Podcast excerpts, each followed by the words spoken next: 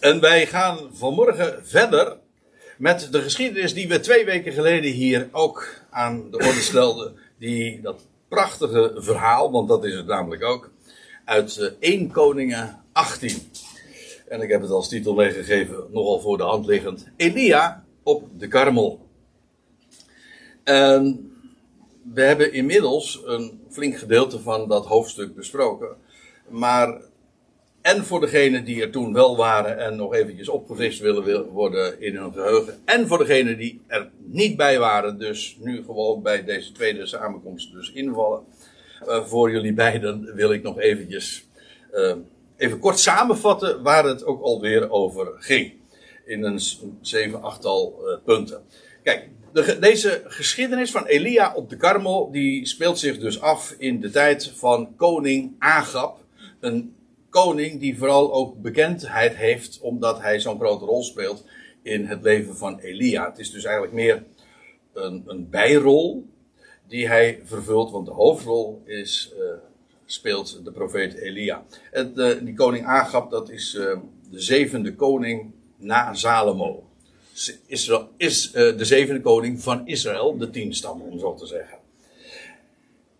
En Agab speelt een rol, maar ook diens vrouw Izebel, uh, die uit het buitenland kwam, uh, kwam en uh, de afgoderij nog eens eventjes een, een, flink, een flinke push gaf. Want de vader van koning Agab, die had al heel veel afgoderij geïntroduceerd in de, onder de tien stammen, onder het koninkrijk van Israël dus. En toen heeft Izebel, die iedere keer de meest prominente rol speelt eigenlijk in dat huwelijk van, uh, van, uh, van Agap. Die heeft toen uh, op een gegeven ogenblik, dat lees je, alle profeten van Yahweh laten ombrengen. En dat waren er vele, maar ze heeft daarbij een aantal profeten over het hoofd gezien. En want die waren namelijk in veiligheid gebracht door een andere profeet, Obadja. En die heeft ze allemaal. Nee, dat was geen profeet, maar dat was een, een hofmaarschalk, zeg maar. En die en die heeft een aantal in, in veiligheid gebracht, die dan ergens in een grot werden onderhouden en uh, in veiligheid uh, waren. In ieder geval, alle profeten van Yahweh waren omgebracht. En het was Elia alleen die uh, overgebleven was, maar die was ook naar het buitenland gevlucht. Elia was trouwens naar koning Agab gegaan, deze je. gezonden van Gods wegen om droogte en hongersnood in het land aan te zeggen. En toen had hij daar ook bij gezegd: het zal, er zal geen druppel water uit de hemel komen, tenzij op mijn woord. Dus pas wanneer ik weer tot je kom en het ga zeggen, dan pas zal er weer uh, regen zijn. Nou, en dat gaat dan ruim drie jaar zo door. Ik ga de termijn straks nog iets specifieker maken. Maar uh, in het, dan lees je in het derde jaar van de droogte. Dus al die tijd is er geen regen gevallen. Uh, wordt Elia naar uh, Agab gezonden. Waarom? Omdat God had gezegd: nu komt een einde aan de droogte en die afschuwelijke hongersnood. En, maar met die boodschap die Elia dan bij koning Agab zou brengen, heeft hij nog iets anders aangezegd. En dat is dat heel het volk zou komen naar de berg Karmel. Inclusief de 450 profeten van Baal. Die allemaal trouwens officieel in, dienst, in loondienst waren van, uh, van Izebel. Ze aten van Izebels tafel, lees je dan. Dat wil zeggen, ze kregen gewoon uh, eten en ze werden onderhouden door, uh, door Agab en Izebel. En die allemaal moesten bij elkaar uh, geroepen worden. Elia geeft dat als een commando op. En Agab was niet, uh, die kon niet anders dan daar gehoor aan geven. Uh, te meer ook omdat hij wist van ja, dit komt ook allemaal door. In feite, dat lees je ook, dat Agab aan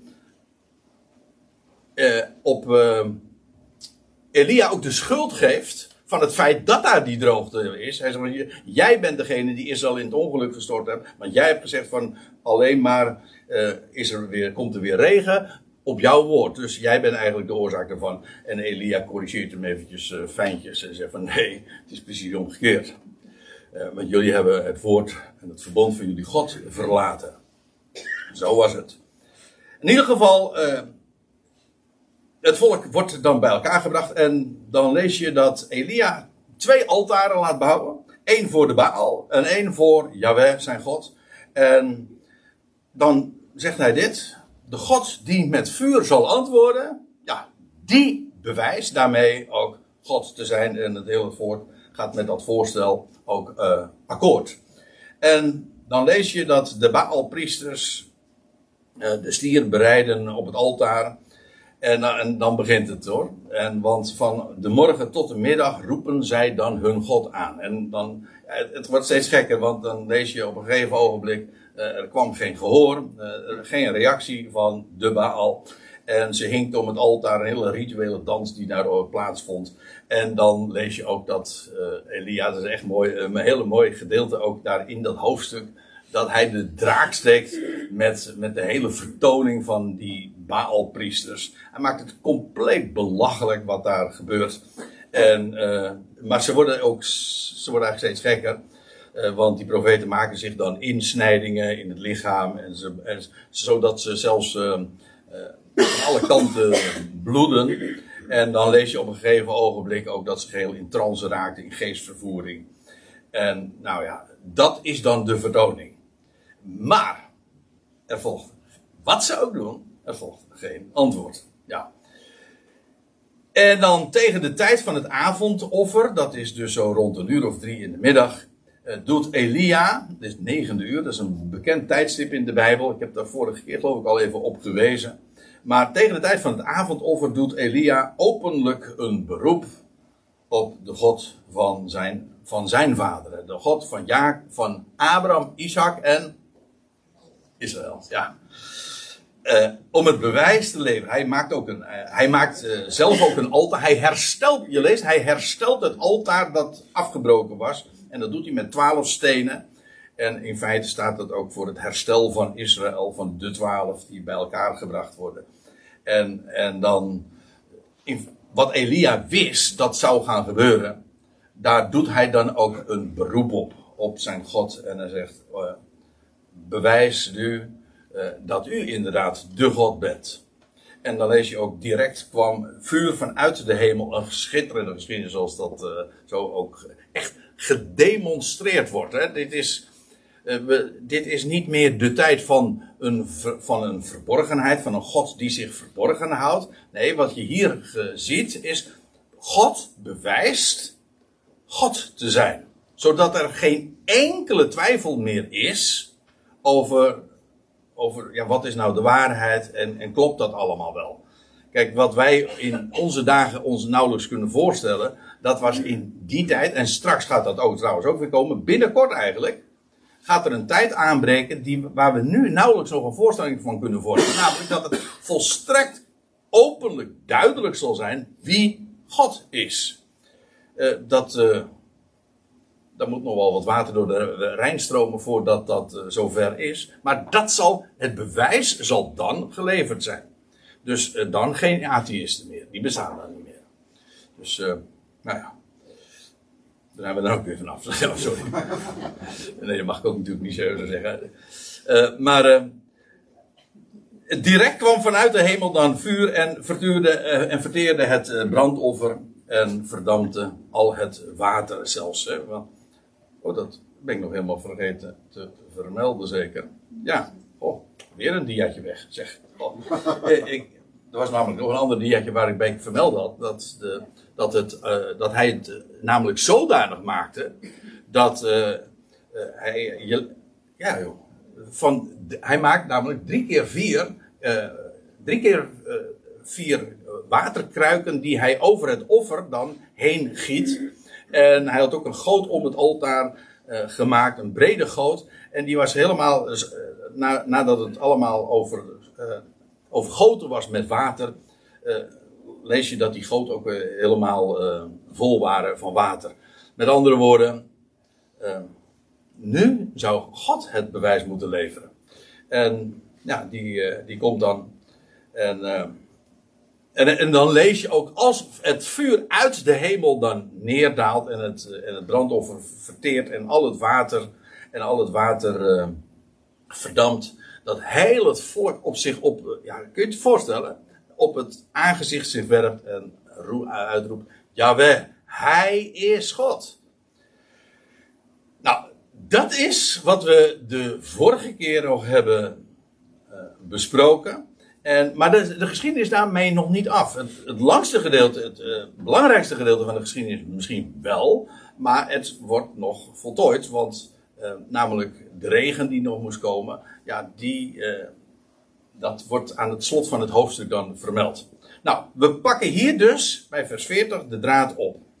En ik had de vorige keer al beloofd dat ik nog in zou gaan, en dat wil ik zeker straks ook nog gaan doen, op de profetische betekenis. Ik heb wel wat hints gegeven in die richting, maar op de profetische betekenis van deze gebeurtenis. Ik bedoel, het heeft ooit uh, plaatsgevonden, zoveel eeuwen voor, voor onze jaartelling, jawel. Maar de geschiedenis zelf spreekt van dat wat er in de nabije toekomst gaat gebeuren. En dat is overduidelijk, juist ook in zo'n passage.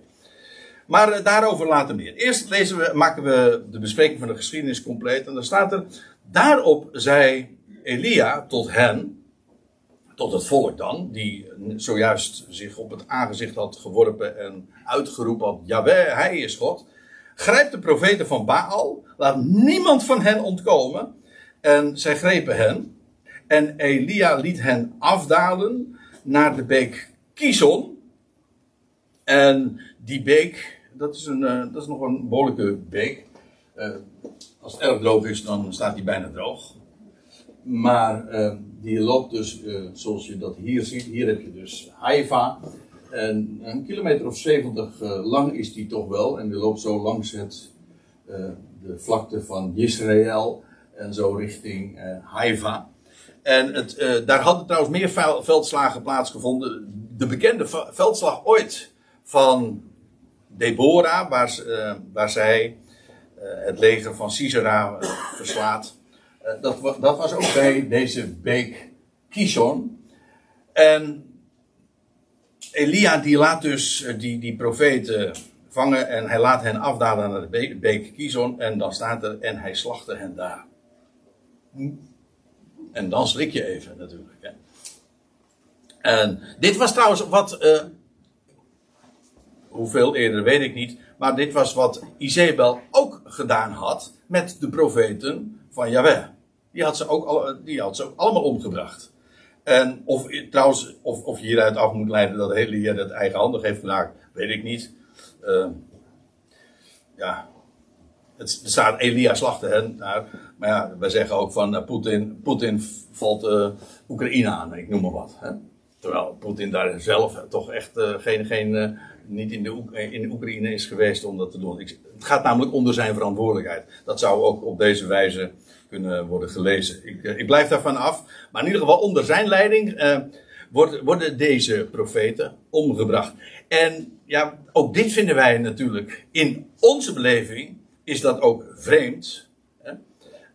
Maar in een theocratie, dat wil zeggen in een, in een tijd waarin God openlijk regeert, want dat is wat een theocratie is, is dit niet vreemd. En ook daar waar het volstrekt duidelijk is wie God is, en dat zijn woord de waarheid is, ja, daar, treedt ook, uh, daar treden zulke regels dan ook in, in op. En dan wordt afgoderij bijvoorbeeld absoluut ook niet getolereerd. Het is namelijk een, het is een, in strijd ook gewoon met de openlijk bekende waarheid. Nou, vandaar ook dat je dit leest. Trouwens, ook dit is profetisch, want als straks, wijst er nu alvast maar even op, als straks God opnieuw het bewijs gaat leveren dat hij God is, dan vindt daar ook weer een enorme slachting plaats. En het boek Openbaring, maar vele andere profetieën spreken daarover. Velen zullen daarin omkomen. Daar moet je niet gering over denken. Ik, ik, lees even verder. Vervolgens zei Elia tot Agab, daar is natuurlijk nog wel wat tijd overheen gegaan. Vervolgens zei Elia tot Agab, ga, eet en drink, eh, want daar is het geruis van een stortregen. Uh, ik denk, ik, de uitleggers heb ik uh, opgemerkt, uh, die zijn daar wat, die hebben wat verschillende ideeën over hoe je dat precies moet opvatten. Van ga eten en drink. Maar de meest voor de hand liggende lijkt mij dat dat koning Agab, die ook zojuist trouwens tot de erkenning was gekomen van, eh, want die hoort ook bij dat volk, die ook tot de erkenning was gekomen, jawel, hij is God, eh, ga, eet en drink. Eh, met andere woorden, vier feest, want de regen eindelijk is in aantocht. Want daar is het geruis van een stortregen die eraan komt. Nou, en dan is je, toen ging Agab heen om te eten en te drinken. En Elia echter klom naar de hoogte, naar de top van de karmel. En hij boog zich ter aarde. En hij legde zijn aangezicht tussen zijn knieën. Dus hij buigt zich echt heel diep neer. En het is trouwens wel opmerkelijk dat in het uh, Hebreeuws het woord voor knie, en daarmee ook voor knielen, birek, barak, identiek is aan het woord voor zegen. Je hebt, ook, je hebt zelfs ook mensen die zo heten in de Bijbel, Berechja bijvoorbeeld. Daar zie je, diezelfde, je moet eigenlijk de klinkers even wegdenken in het Hebreeuws, want die spelen geen rol. Als je de medeklinkers houdt, dan zie je gewoon, dit is, exact uh, hetzelfde woord. Dus wie het woord knie zegt en knielen, zegt daarmee in het Hebreeuws, daarmee ook het woord zegen. De zegen, en dat vind ik eigenlijk, dat is de geweldige gedachte die daarachter ligt, dat is dat de zegen zit hem juist in het feit dat je voor God knielt. In het, uh, dat zie je trouwens ook uh, in het Nieuwe Testament via een andere lijn, maar dat de dingen dankzeggend gezegend worden. Dus, uh, dat, je leest bijvoorbeeld dat de Heer Jezus de, de maaltijd. In, in, in, in het ene evangelie lees je dat, dat hij de maaltijd zegent, het brood dat hij brak, zegent. En in de andere, het andere evangelie staat, hij dankte voor de maaltijd. En dan zeggen we, in ieder geval 17, de andere dankt hij. Nee, dat zijn geen twee verschillende dingen. Dat is hetzelfde. Als je dankt, dan is dat de, de, de zegen. En het, het idee daarbij is ook dat een gezegende maaltijd, maar breidt het gerust uit naar welke activiteit die je ook doet. De zegen is gelegen in het feit dat je hem dankt. Dus een gezegende maaltijd is niet per definitie een maaltijd die lekker smaakt. Dat is, uh, dan is het een, ja, ja ik, ik, weet ook van mensen die zeggen van ja, bij ons eten wij, wij, wij bidden altijd voor het eten, want mijn moeder kan niet zo lekker koken.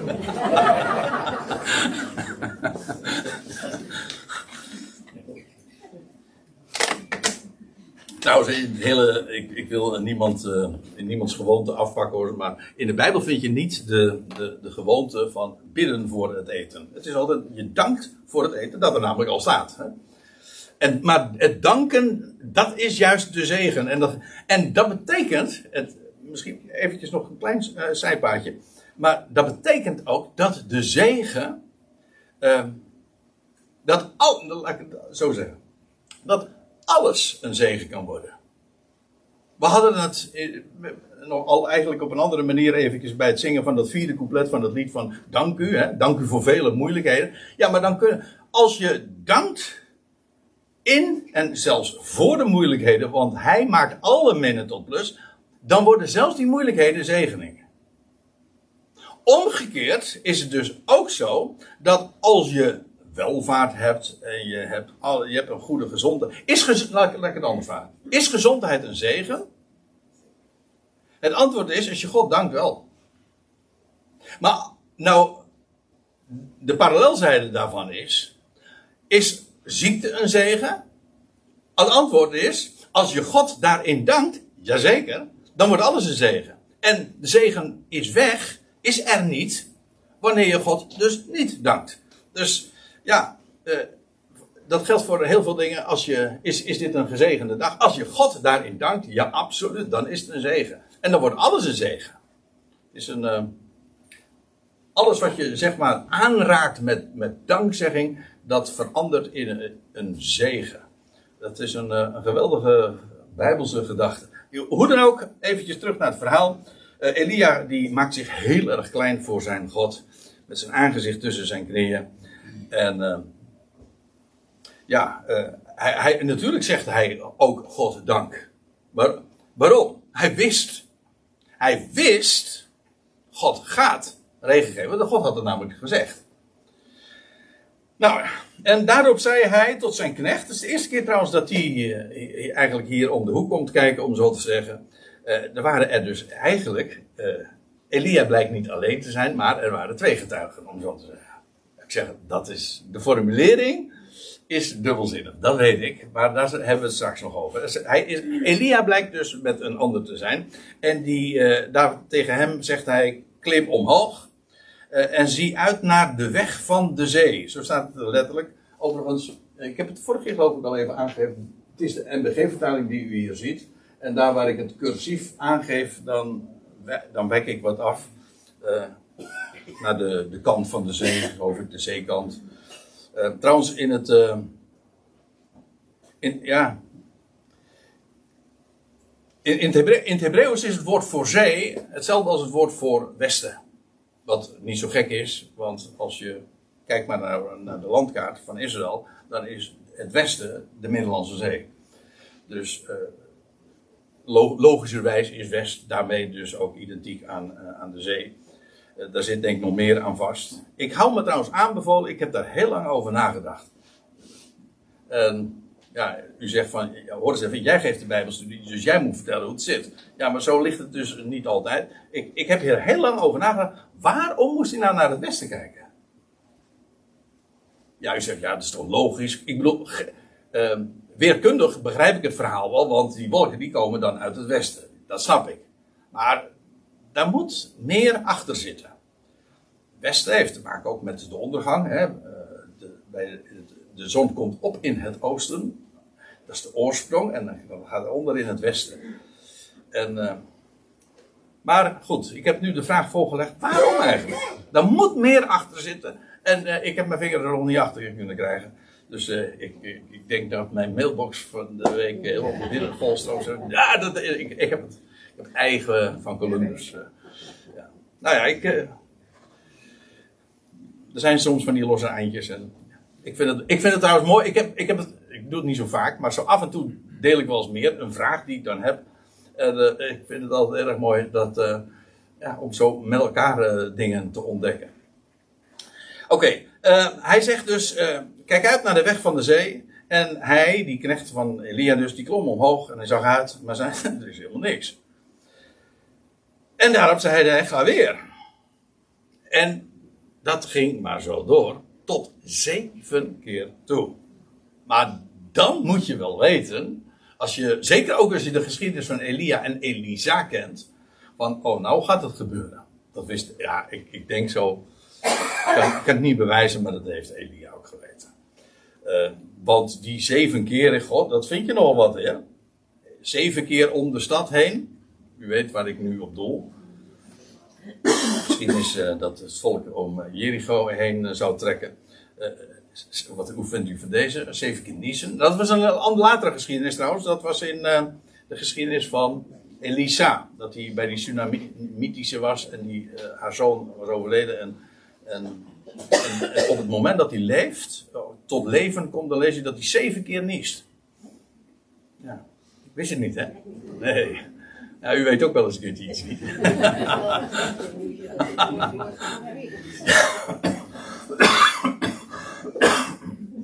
Sorry.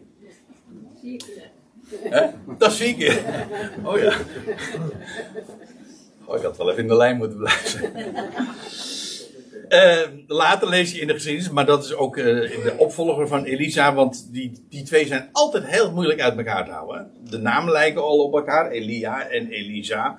Maar hun bediening, ja, ze, de een volgde de ander ook op, maar ze blijken ook in veel opzichten een herhaling te zijn. Elisa deed bijvoorbeeld het dubbele aantal wonderen van wat Elia heeft gedaan. Hij kreeg ook een, Elisa kreeg ook een dubbel deel van, zijn, uh, van de geest van Elia, deze. Moeten we het ook nog maar eens over hebben. Um, in Naaman, hè, daar heb ik het over. Naaman die zeven keer onder, uh, kopje onder moest in de Jordaan. En dan heb je ook nog de 7 keer 70. ja, nu kan je denken aan de 7 keer 70 jaarweken, maar ook aan de 7 keer 70 keer dat je uh, een ander vergeeft. Uh, dat wil zeggen overvloed. Uh, wat dacht u van de zeven zegels in het boek Openbaring? En, en bij het zevende zegel verschijnt de Heer, daarom noem ik hem nu ook even. Verschijnt de Heer. Dat komt overeen met het antwoord hier op de berg Karmel. En dan heb je ook nog de zeven bazuinen, dat dan weer overeenkomt met de zeven schalen. Maar zeven, ja, het is maar een, een, is maar een, greep zo uit, uit, de, uit, de, keur van voorbeelden die je uit de Bijbel zo kunt halen. Allemaal zeven, het Hebreeuwse woord voor zeven heeft ook de betekenis van volkomen. En dan weet je ook inderdaad dat zeven het getal van de volmaaktheid is. En dan is acht dus het getal van. Als 7 vol is, dan is 8 het getal van. Over. Ja, van nieuw. Ja, dan begint inderdaad ook weer een nieuwe reeks. Na zeven dagen krijg je de achtste. En dat is de eerste dag van de week. Maar het is ook van overvloed. Ook weer logisch. Oké. Bij de zevende maand nu zei hij. Zie een wolkje als eens mans handspalm. Zo staat het eigenlijk letterlijk. Stijgt op uit de zee. Ja, eigenlijk een, een, een, een, een opgeheven hand, eigenlijk een opstijgende hand, hè, die stijgt op uit de zee. Ja, is ook een, een teken, eigenlijk een signaal. Hè? Dat is trouwens altijd een opgeheven hand, dat is altijd een signaal van. En, maar het was een wolk, een wolk, een klein wolkje. Een klein wolkje dat dan uit de, kunt je zo voorstellen dat dan uit de, de, de zee opstijgt. En, maar dat is een goddelijk signaal. Die steeg op uit de zee. En ja, dan lees je. En toen zei hij tegen zijn knecht. Zei Elia: uh, ga, uh, ga, heen. Zeg aan Hagab. Span in. Dat, uh, niet span je in. Maar span in. Met, dat we zeggen met paard en wagen. ja, maar ik moet erbij zeggen: dan is het heel moeilijk je te verplaatsen. In het Kizondal. Want wat gebeurt er? Eh, span in, daal af. Laat de stortregen u niet ophouden. Dat zou wel gebeuren, dat zullen we straks laten zien. Maar uh, met andere woorden, want daar, waarom? Uh, hij zegt: uh, span in en daal af en ga naar je paleis toe, daar in Israël. En dan lees je in vers 45: Toen, in een oogwenk, werd de hemel zwart van wolken en van wind. En er viel een zware stortregen. Dat is, dit is het antwoord. Het wordt zo kort, zo Zumier genoemd. Eigenlijk, hier was zo lang naar uitgekeken, toch? Eindelijk. Na drieënhalf jaar. Regen. En dan niet zo'n beetje, maar echt een stortregen. En, en dan lees je, daarop reed uh, uh, reed Agab weg en hij ging naar Israël. Ik noemde de naam zojuist al eventjes van Israël, maar ik vind het toch eigenlijk opmerkelijk genoeg om het eventjes nog op te wijzen. Hier, ik, u ziet eigenlijk weer hetzelfde kaartje als wat u eerder zag. Hier heb je dus de Karmel, eh, het huidige Haifa. En dan heb je hier Megiddo liggen. de berg Tabor. Hier heb je trouwens ook nog, uh, weet u wat hier ligt? Bij de Tabor, vlakbij. Nazareth ook. En, en Israël. En hier, en je, had, je, hebt, hebt namelijk twee keer Israël. De grote vlakte, een enorme grote vlakte. Die ook heet uh, de vlakte van Megiddo. Waar je trouwens ook nog een heuvel hebt. En vandaar ook dat het genoemd wordt Har Megiddo. Maar als ik het zo zeg. Dan hebt u in de gaten dat, eh, dat ik nu refereer aan een hele bekende plaats, namelijk Armageddon. Je leest in openbaring 16, vers 16, makkelijk onthouden, dat eh, de volkeren worden verzameld. Dat zal straks, dat zal trouwens zijn als de Heer inmiddels als koning zal zijn in Jeruzalem. En dan lees je ook dat de volkeren niet zo, uh, voetstoots dat accepteren. Integendeel, dan zullen ze ten strijde gaan, gaan trekken. In feite worden ze verzameld. Daar, en dan lees je dat de legers van de volkeren zich verzamelen in de vlakte van Megiddo. Dat is een enorm, hele vruchtbare vallei ook. En in deze vlakte van Israël. En dan wordt dat genoemd, uh, maar Harmageddon. En men zou dat ook zelfs kunnen afleiden. Har betekent berg, maar ook een hoogte. Maar dat betekent ook Megiddo heeft te maken met neerhouden. En die moet je je voorstellen wat er gebeurt. Harmageddon, uh, dat is dus in deze streek, dat, dat, is, dat is het punt niet. Maar ook dat de Heer daar zal optreden en vanuit de hoogte zal en zal neerhouden. Letterlijk. En dat is dus ook een enorme slachting, wat daar dan plaatsvindt. Dat lees je ook in openbaring 16. Maar Harmageddon heeft dus de, uh, daar zit ook de gedachte in, wat nu zeg is niet zo bekend, maar dat God optreedt vanuit de hoogte en inderdaad de verzamelde legers uh, daar een, een finale, letterlijk finale slag zal toebrengen. Dat is hier. Harmageddon. Ziet u trouwens ook hoe concreet deze dingen zijn? Ik bedoel, dit heeft in, in, in de geschiedenis plaatsgevonden, daar eh, in die, die, streek van, de, van Israël. Uh, maar dat gaat in de toekomst weer gebeuren. En de plaatsnamen, het wordt allemaal vermeld waar het ook gaat gebeuren. Daadwerkelijk. En moet je voorstellen dat aan de Heer daar zal, uh, zal regeren in Jeruzalem. En dat daar dus dat koninkrijk begonnen is. En dat de volkeren dan zullen optreden tegen, Israël, tegen, de, tegen Yahweh en zijn gezalfde. Om dan dat beginnen, die, die in feite, in feite is het een invasie. Het klinkt heel vreemd, maar het is echt zo. De koning, de koning zal acte de présence geven. Hij zal verschijnen in Jeruzalem. Hij zal zijn koninkrijk daar gaan herbouwen. En de volkerenwereld accepteert die invasie, deze vreemde indringer niet. En die zullen daadwerkelijk tegen hem gaan optreden. Mede ook vanwege alle ellende die uh, in die tijd dan ook zal, plaatsvinden, uh, zal plaatsvinden. Ja, nou ja. Jongens, dat, dat, is eh, een heel uitgebreid onderwerp. Ik, waarom ik er eigenlijk ook even op noem. Uh, ik zei van die vlakte van, die, die naam Jezreel. God zaait, betekent dat trouwens. Mooi hè? God zaait. Maar in de vlakte van. Die naam Israël is niet alleen de naam van een vlakte, maar ook de naam van een, een heuvel. Van 70, 80 meter hoog. En die heet ook Israël. Dus het is. En daar stond trouwens het paleis van Agab en Izebel. Op, de, op Israël. Op Israël en in Israël. Beide campus. Ja, en dan lees je, nou, na die zware stortregen, Agab rijdt uh, weer naar, naar, zijn naar huis toe, naar zijn paleis. En dan lees je, uh, maar de hand van Yahweh was over Elia. Hij krijgt, wat in de Bijbel meestal een aanduiding is, je vindt het nog eens vaker, die uitdrukking, als de hand van God op je is. Ja, wat, wat kan er nou gebeuren? En dan krijg je van hem de kracht. En dan zendt hij jou en dan en dan lees je hier ook, maar de hand van Jahweh was over Elia, zodat hij zijn lendenen gorderde, gorde, over de gegorde lendenen van Elia. Er is nog wat om te doen, hè. Want die had een, eh, een leren gordel. Daar, was, stond hij ook bekend om. Weet je waarom die nog meer bekend stond? Als het gaat over zijn kleding. Een haren mantel, ja. Ik kom straks nog eventjes erover te spreken. Maar, uh, oké. Hij, hij gordde zijn, zijn lendenen, dat wil zeggen, hij ging op reis, eh, of op stap, en, voor, eh, en hij snelde voor Agap uit. Hm?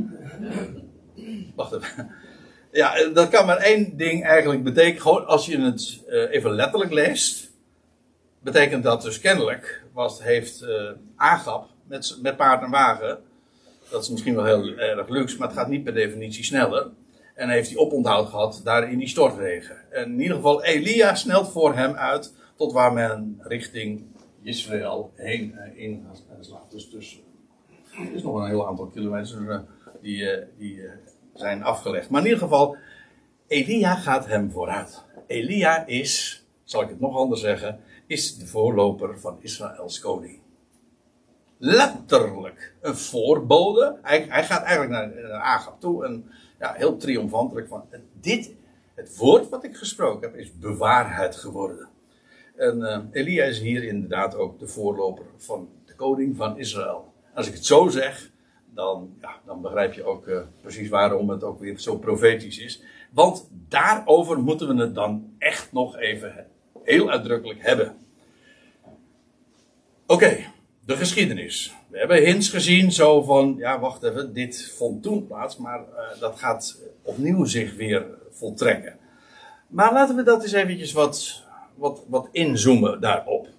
En ik noem een drietal schriftplaatsen. De eerste die ik noem is Malachi 4. Dat is het laatste hoofdstuk trouwens in onze Bijbels.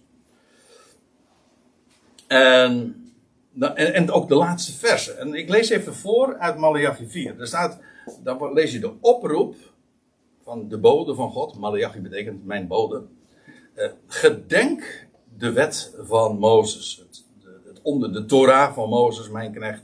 Die ik hem op hoor heb geboden heb voor gans Israël inzettingen en verordeningen. Waarom ook?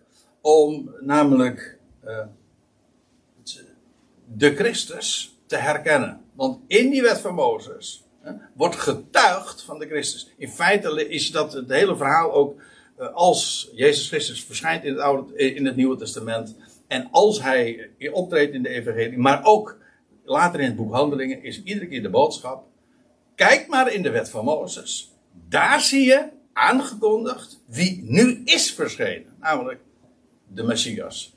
Yeshua HaMashiach. Eh, hij is het die de vervulling daarvan is. En, en in feite, hij wordt bewezen al de Messias te zijn vanuit de wet van Mozes. En vandaar ook dat Israël wordt opgeroepen om de wet van Mozes te gedenken.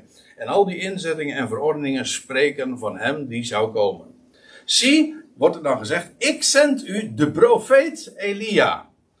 Het is, de enige keer trouwens dat de Bijbel hem zo noemt. Ik, het gaat hier niet, denk ik, dat is een, een kwestie apart, over letterlijk Elia in persoon.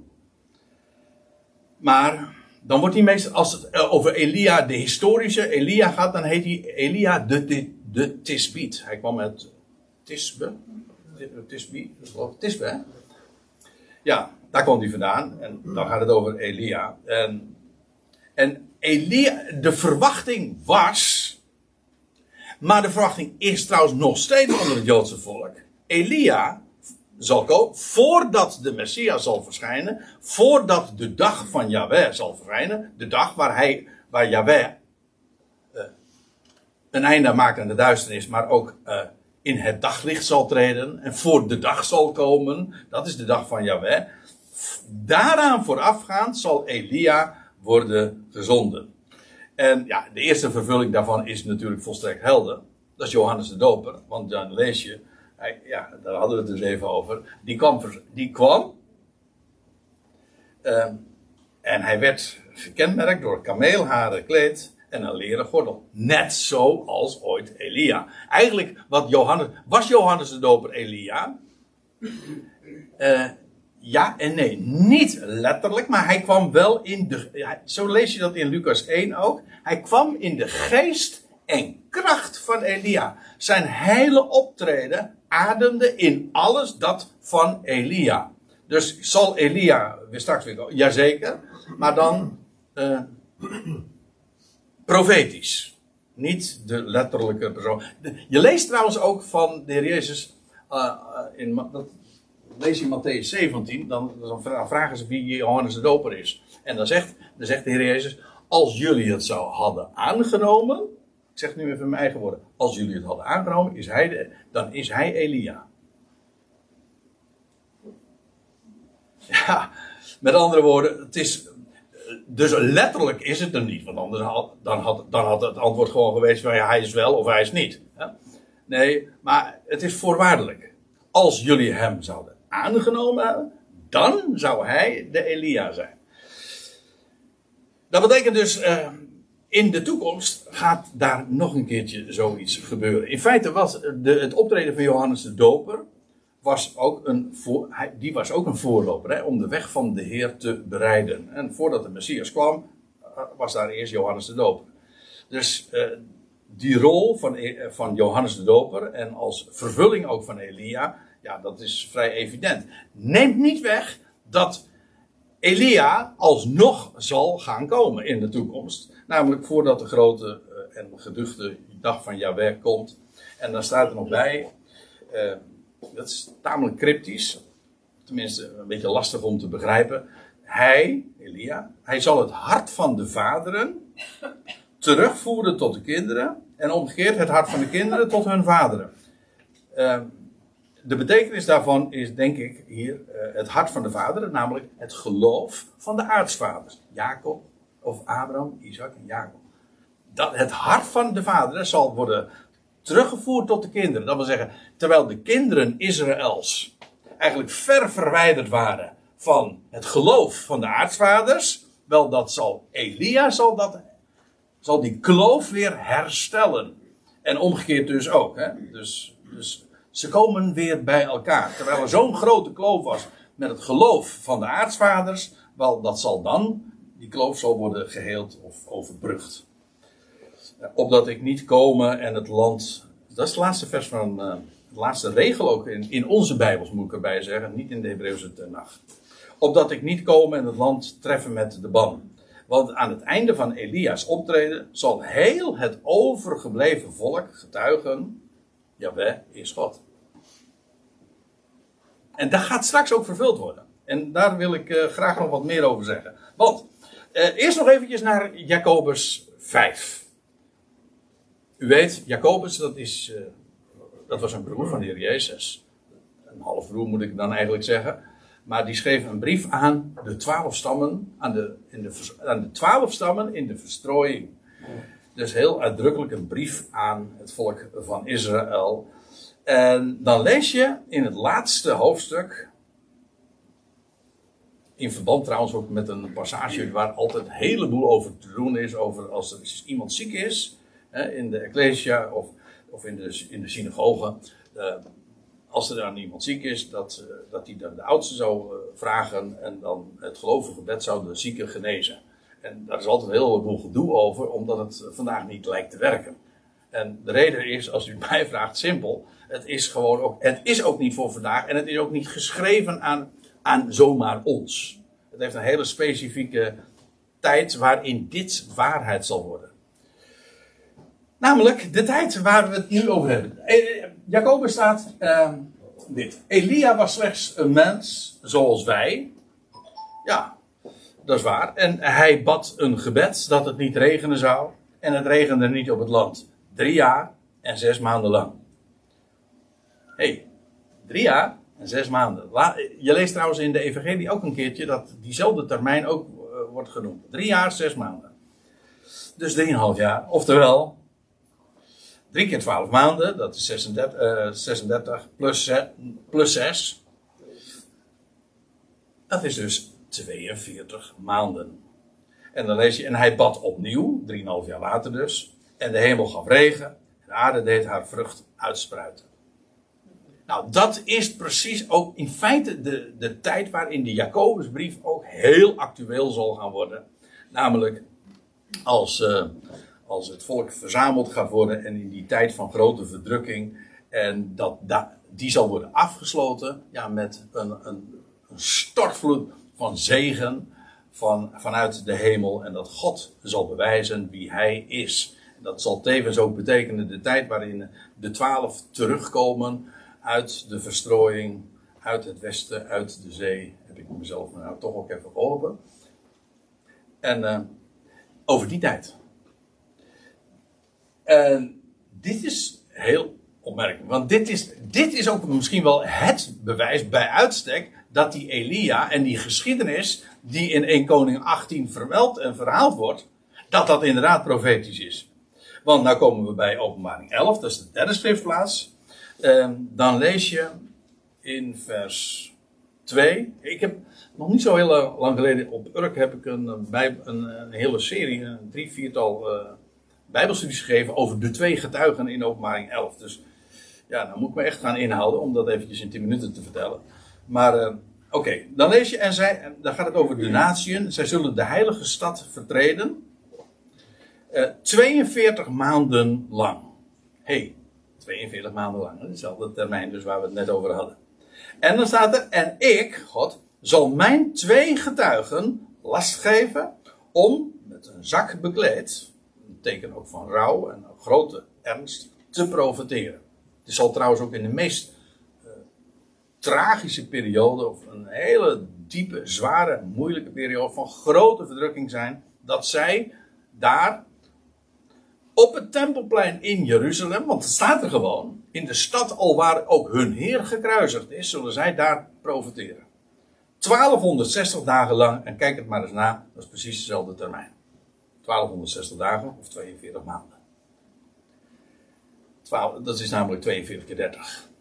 En indien iemand, staat er nog bij, indien iemand hun schade wil toebrengen, en die zijn er dan erg veel, komt er vuur uit hun mond, hey, uh, en het verslindt hun vijanden, en zelfs als, als je dit figuurlijk opvat, dan nog is het duidelijk, ze zijn onaantastbaar. En indien iemand hun schade wil toebrengen, dan moet hij zo de dood vinden. Dus zij treden op in het hol van de leeuw, want het is net ook in de periode dat daar een afgodsbeeld in de tempel zal staan. In die 42 maanden. En daar zal een, een, een overblijfsel al gevlucht zijn in de woestijn en daar een veilig onderkomen hebben. En die twee getuigen, die treden op, ja, met recht in het hol van de leeuw. En dus er, het zal een grote ergernis zijn, maar ze zijn onaantastbaar. En je leest 1260 dagen worden ze daar, uh, treden ze daar op. En, deze, en er staat er nog bij, deze hebben de macht de hemel te sluiten, zodat er geen regen valt gedurende de dagen van hun profiteren. Hé, hey, 42 maanden, 3,5 jaar, treden ze op. En in die periode valt er geen regen, is de hemel gesloten. Maar dit is dit is dus precies een in feite een herhaling van wat we eh, gelezen hebben in 1 Koning 18. Maar. En, en dan staat er nog bij. En zij hebben macht over de wateren om die in bloed te veranderen. En om de aarde te slaan met allerlei plagen, zo dikwijls zij willen. Eh, wat hier uitgebeeld wordt, is inderdaad hen, wat, er ook, wat men ook doet, of wat men ook onderneemt, deze twee getuigen zijn eh, niet te stoppen, niet te houden. En ze zijn on onaantastbaar. Nog een kenmerk, want ze hebben de macht om de hemel te sluiten de gedurende de periode van hun profiteren. En uh, ze hebben de macht om de wateren uh, in bloed te veranderen. En dat herinnert weer aan, aan Mozes. Ja, en nou hebben we dus in feite de twee getuigen. Ja, wie zijn dat? Ik zeg dus niet in persoon zijn dat Mozes en Elia, maar ze treden wel op in de geest en kracht. Ze representeren Mozes en Elia. Feitelijk Mozes en de profeten. In feite ook weer de, hele tenag. De wet en de profeten, die twee. En zij treden daar op in Jeruzalem. En dan lees je nog bij, en, uh, ja, want dan, dan lees je aan het einde van hun de termijn van die 3,5 jaar. Dan lees je dat het beest dat uit de, uit de, afgrond was opgekomen, die doet hen oorlog aan. En dan, na 3,5 jaar, aan het einde van die periode, dan worden ze gedood. Eindelijk, denkt de hele wereld, want dan lees je ook, ik lees het nu niet mee, uh, maar dan lees je dat uh, de mensen op de aarde elkaar geschenken sturen, cadeautjes, Eindelijk zijn we van die vreselijke figuren af. En dan lees je ook, en ze krijgen ook geen begrafenis, want, en dan lees je, en heel de wereld zal zien dat ja, denkt u dat CNN daar dan nou niet bij is of zo, of de NOS. Heel de wereld zal zien dat, ze, dat hun lijken daar liggen, drieënhalve dag. Drieënhalve dag liggen daar op, de, op het plein daar in Jeruzalem. Dus ze krijgen geen begrafenis. Heel triomfantelijk blijven ze daar gewoon 3,5 dag liggen. En dan lees je aan het einde van die 3,5 dag, ook aan het einde van 3,5 jaar dus, uh, dat ze opstaan. Ja, dat zal het einde ook van de grote verdrukking zijn. Dan lees je ook dat ze ten hemel varen in een wolk. En dat zal het moment zijn dat de Heer ook zal verschijnen. Je leest ook een, dat er een grote aardbeving in Jeruzalem plaatsvindt het valt ook samen met het moment, als u mij vraagt, uh, met het moment dat de Heer zal verschijnen op de Olijfberg en die zal scheuren. Maar dat is ook een aardbeving, kan ik u vertellen. Als die Olijfberg zo in tweeën zal scheuren. Nou, dat moment. En dan lees je ook dat uh, alle inwoners van Jeruzalem, wat er nog overgebleven is, aan de God des hemels eer zullen geven. En dan, dat is dus de grote ommekeer. En dan komen er ook eh, stromen van zegen. Ja, nou ja, daar gaat er nog wel heel wat. Uh, want dan op dat moment is weliswaar Israël onderworpen. Maar dan moet de hele volkerenwereld ook nog aan de beurt komen en tot de erkenning komen. En dat, zijn de periode, dat is dan weer de periode van die zeven bezuinen. Maar goed. En dat heeft dan ook weer te maken met die vlakte van Israël. U ziet, eh, ik hoop in ieder geval daarmee duidelijk gemaakt te hebben. dat die hele geschiedenis van Elia op de Karmel. in hoge mate profetisch is. en in feite een kopie is. van dat wat in de toekomst groots hè, en ook definitief zal uh, vervuld worden. En ja, nou ja, de meeste van jullie zijn er wel van bewust dat wij uh, aan het einde van een termijn leven, van die twee dagen, en de Heer gaat binnenkort uh, verschijnen. En deze dingen zullen binnen dus niet al te lange tijd inderdaad daadwerkelijk in deze wereld zijn beslag gaan krijgen. Oké, samengevat. De, wat de profetische strekking van 1 Koning 18 dus betreft. De drie jaren en zes maanden die staan model voor de droogte. En de, daarmee ook voor de tijd van Israëls grote verdrukking. En in die tijd zullen straks dus Elia en Mozes optreden als twee getuigen in Jeruzalem. En aan het einde van die termijn zal Jeruzalem vallen. Kijk maar na in openbaring 11, we hebben het nu niet gelezen. En het overblijfsel in de stad, dat wat er overgebleven is, zal de God des hemels eer geven. En dan, ja, wat er dan gaat gebeuren. Uh, God, in ieder geval zo over Israël. Je leest ook dat bij Joel 2, dat is de laatste. Je leest dat als de, de dag des Heren zal aanbreken voor Jeruzalem, dat God zijn geest zal uitstorten ja, op al wat leeft. En daar gaat het specifiek in, in ieder geval in eerste instantie over Israël en de inwoners van Jeruzalem. Dat zal hij gaan doen. En uitstorten. En dat is de uitbeelding dus van dat wat er ook plaatsvond in de dagen van Elia. Die stortregen. En ik stel voor dat wij daar ook nog niet over gaan zingen. En welk lied zal dat zijn?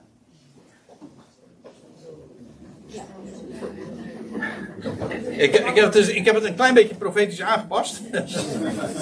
er komen stromen van zegen. Dat heeft Gods woord ons beloofd. Stromen verkwikken.